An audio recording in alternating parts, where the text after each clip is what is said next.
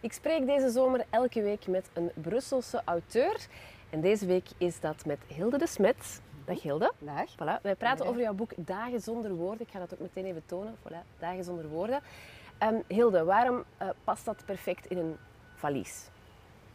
Misschien omdat het verhalen zijn. Ehm, in een roman duiken, dat, hè, dat is een, een, iets dat je heel lang doet. Maar soms is het ook wel leuk, denk ik, om op een of ander plekje zo eens iets korter mee te pikken. Waar je even induikt en dan kun je weer boven komen. En eh, dan lijken mij verhalen altijd een, een goed ding om op vakantie op die verloren momentjes eens even, eens even op te nemen. Eh, misschien ook wel omdat ik, ik zelf dan eh, rust vind in de verhalen die ik schrijf. Eh, een rust die ik niet vind in het dagelijkse hectische leven. En ik denk wel, als, als je die verhalen gaat lezen, of die reacties krijg ik nog, toch, dat, dat mensen dat ook wel vinden in die verhalen. Ja, dus het is een beetje vakantie ook. Ja, ik, want ik heb bijvoorbeeld vaak mensen die zeggen van, "Goh, ik ga het nog eens opnieuw lezen. Ja. En dat denk ik, die vakantie heb je daar ook tijd voor. Om Ja. een bladzijde of een verhaal of iets. Of dat hopen we toch, hè? Of dat, ja, dat, dat hopen we. Dat hopen Maar het lijkt me inderdaad met, met heel veel zorg geschreven. Hoe Ja. lang heb je eraan gewerkt?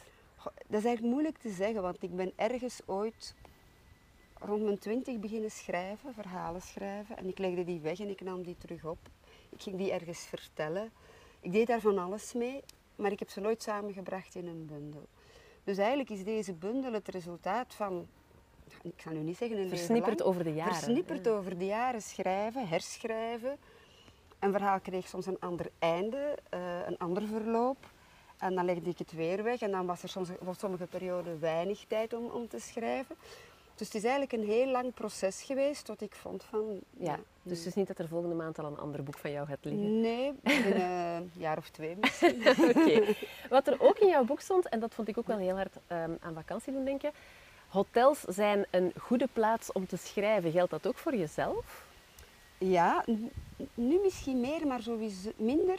Eh, maar sowieso is ergens naar een plek gaan, een andere plek, weg uit het gewone, vaak wel een goede plek vind ik om te schrijven. Hè. En waarom dan? Omdat er... Ehm, je maakt je een beetje los ook van, van alles wat dat er appel op je kan doen. Ehm, een hotel vind ik bijvoorbeeld heeft ook wel het, het leuke alsof je daar een beetje anoniem wordt. Je wordt, wie ben je? Ja, dat is heel rekbaar in een hotel. Je, kan een stukje van je tegen. identiteit eigenlijk afschudden. Ja, Ah, dat kan je in een hotel, Ja, dat is wel- ik. Want in jouw boek is, is, is sfeer ook wel belangrijker dan, dan de feiten, hè? Ja, Eh, ik denk het het is, wel. Het is een mix ja. tussen, tussen poëzie en proza eigenlijk Ja, ook. Hè? Dus ja. het zijn verhalen, maar er zitten ook wel gedichten tussen. Ja. Ehm, Ja, ik denk, ehm, het gaat er mij inderdaad om. Heel vaak is het ook de sfeer die mijzelf vooral neemt. En het is de sfeer die het verhaal doet ontstaan. Dus ik kan op een plek komen. Ik denk aan eh, het verhaal dat zich afspeelt in die tuin in Italië, Giardino Giusti. Ik weet nog altijd niet hoe ik het in Italiaans ik ook niet, kan jou niet helpen, sorry. Maar ik weet, ik ben in die tuin gekomen. We hebben daar rondgewandeld. En eigenlijk wist ik, dit wordt een verhaal. Oh, ja. Dus het is de sfeer die die tuin bij mij, aan mij gaf, waardoor ik dan weet van kijk, hier, hier ga ik iets mee doen. Dat is heel zintuigelijk wel, hè? Ja, ja, maar dat is ook zo, denk ik. Het is eerst heb je de ervaring van een sfeer. Het eerste verhaal, ehm, ook daar is de sfeer van een plek heel bepalend geweest. Maar het is een plek waar ik nooit echt ben geweest. Want het is een sfeer van, dat ik, die ik heb gehaald uit een boek van Marguerite Duras. Ik ben het boek ook niet gaan herlezen, maar dat was een plek die mij altijd heel sterk is bijgebleven als zij dat geschreven heeft. Zij schrijft ook heel erg vanuit, of schreef vanuit een sfeer. En ik heb gezegd, kijk, dat is de plek waar ik een verhaal zich zie afspelen. Want als ik, ehm, het is een boek Dagen zonder woorden, dus de, de Mhm. personages in het boek zoeken vaak ook Ja, naar woorden, ja. krijgen niet altijd alles gezegd. Ja. Ehm, dat is ook al bijzonder in een maatschappij waarin Ja. er eh, altijd iets gezegd moet worden. Maar voor mij, als ik er één woord moet opplakken, is dat ehm, ja. Verlangen. Ja, Ehm, ja. het is- ben, je, ben je het daarmee eens of heb jij er een ander woord voor? Of heb je daar eigenlijk nooit bij stilgestaan? Misschien niet op die manier. Ik denk inderdaad dat die dagen zonder woorden, eh, komt, het komt vaak terug dat mensen zoeken. Het is een verlangen misschien wel om eens echt te zeggen, iets echt te zeggen. Dat denk ik vaak. Hè. Zo het gevoel dat taal, en dat doe ik zelf ook, dagelijks een heel praktisch iets is geworden. Ja. We praten zoveel. Hè. Eh, ik moet ook vormingen geven, ik moet praten met groepen mensen, met mensen alleen. En ik praat heel veel.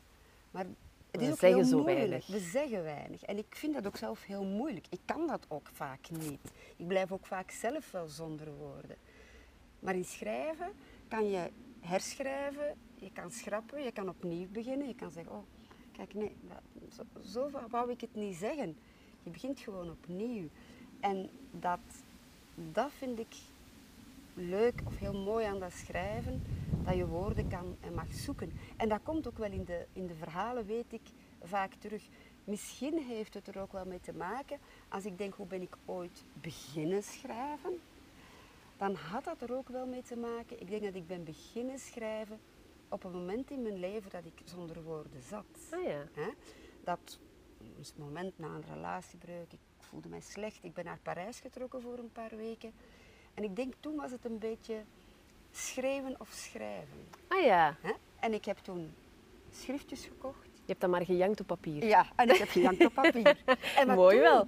ook al was, is, het moest niet gewoon janken op papier zijn, want ik ging dat toen al ook doorspekken met een beetje fictie. Ja. Heb je zelf een favoriet verhaal uit jouw bundel? Goh, dat is moeilijk een hele gemene vraag. Ja, ja.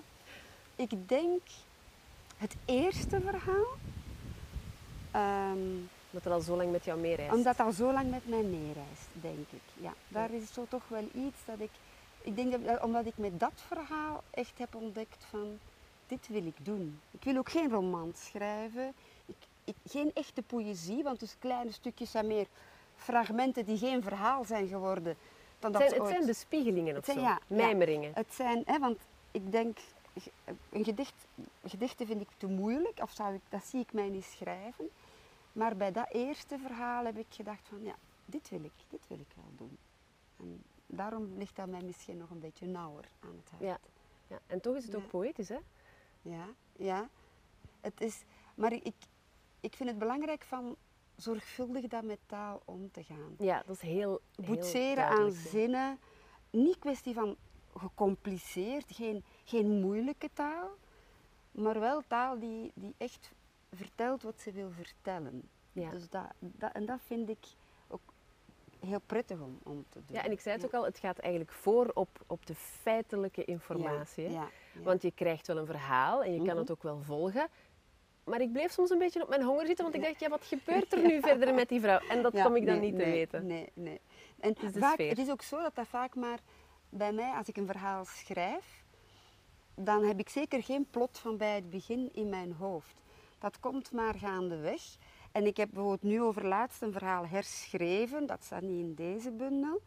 En dat heeft nu een heel ander einde gekregen. Dat kan ook misschien omdat het plot niet zo essentieel is. Kan je dat ook zeggen van goed, als ik het nu toch herschrijf, dan mag het ook een ander einde zijn. Ja. Ik ga jou even uit de vakantie trekken en naar Ja. je job, want je bent ook al 40 jaar bezig met meertaligheid. Ja. Dus ook daar komt die taal Mhm. terug. Ehm, hoeveel talen spreek jij zelf?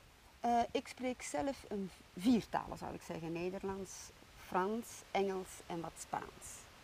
Zie. Dus dat zijn de talen waar ik mij, als ik zeg ik wil een gesprekje doen met andere mensen, dan gaat Ja, dat. Dan gaat Want je dat werkt ook al heel lang voor integratiecentrum Foyer. Ja, ja, ja. Wat heb je in die 40 jaar eigenlijk al... Ja, wat, zijn jouw, wat is jouw belangrijkste bevinding rond taal? Ehm, ook weer dat taal belangrijk is en dat vaak de taal die je van kinds af aan hebt geleerd op heel jonge leeftijd, ehm, wat er ook later in je leven gebeurt, toch een heel emotioneel iets blijft. Daarom misschien dat ik ook zo altijd die interesse heb gehad al van in mijn studies van kinderen die hier opgroeien, maar van origine een andere taal ook thuis eh, leren, meekrijgen. Van, goh, dat mag niet zomaar, we mogen dat niet zomaar negeren, we moeten daar iets mee doen. Wat voor mij niet wil zeggen dat een kind dat bijvoorbeeld in een Turks gezin opgroeit, zich per definitie super met dat Turks moet identificeren.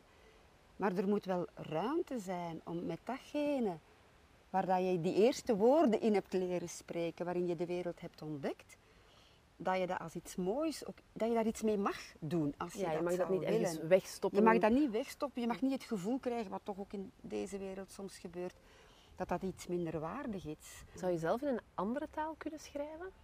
Dat je zegt van het is zo emotioneel om in je Ja. moedertaal... Wel, soms, ik weet niet of ik het zou kunnen, maar ik denk wel dat het mooi kan zijn. Omdat je dan taal gemakkelijker tot de essentie herleidt. Dat komt heel eventjes voor in dat verhaal dat zich in dat hotel afspeelt. Maar daar gaat het eerder over de dialogen tussen de mensen. Die inderdaad in, een, in het Frans verlopen. En waardoor die personages ook het gevoel hebben van... Ja, ik kan jou alleen maar de essentie zeggen. Want Zo voelt dat voor mij vaak ook Ja. in Brussel in het ja, Frans. ja, ah, maar- De maar goed, essentie en de basis de gaat, is een beetje vallen, want we hebben alleen maar, we hebben niet zoveel. En we, en we moeten het daar, daarmee doen. Hè. En ik merk nu, ik ben nu aan een verhaal bezig, en dat ik het daarin toch wel leuk vind van te proberen, van soms wel de gesprekken tussen mensen, als dat zich op een andere plek of in een ta- andere taal afspeelt, dat wel te gebruiken. Hè. Maar ik weet nog niet wat ik ermee ga doen, maar... Hè. Ook dat is voel- sfeerschepping natuurlijk. Ja, ja ah, wel, dat heeft Ja. iets, iets te maken ook met, de, met een sfeer die je niet... En je hebt het gevoel, ik zeg dat dan in het Nederlands, dan ben ik dat kwijt. Ja. Dus ja. ik weet dat ze op een bepaald moment de uitgever vroeg, ik denk twee titels in, nee één titel, eh, van het boek Van dat Hotel heeft een Franse titel.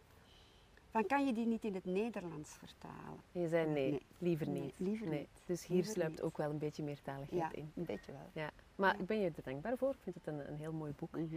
Dagen zonder woorden. We hebben er toch vrij veel gevonden hè, vandaag. Ja. ja, zo gaat dat dan als je erover begint Voilà. te praten.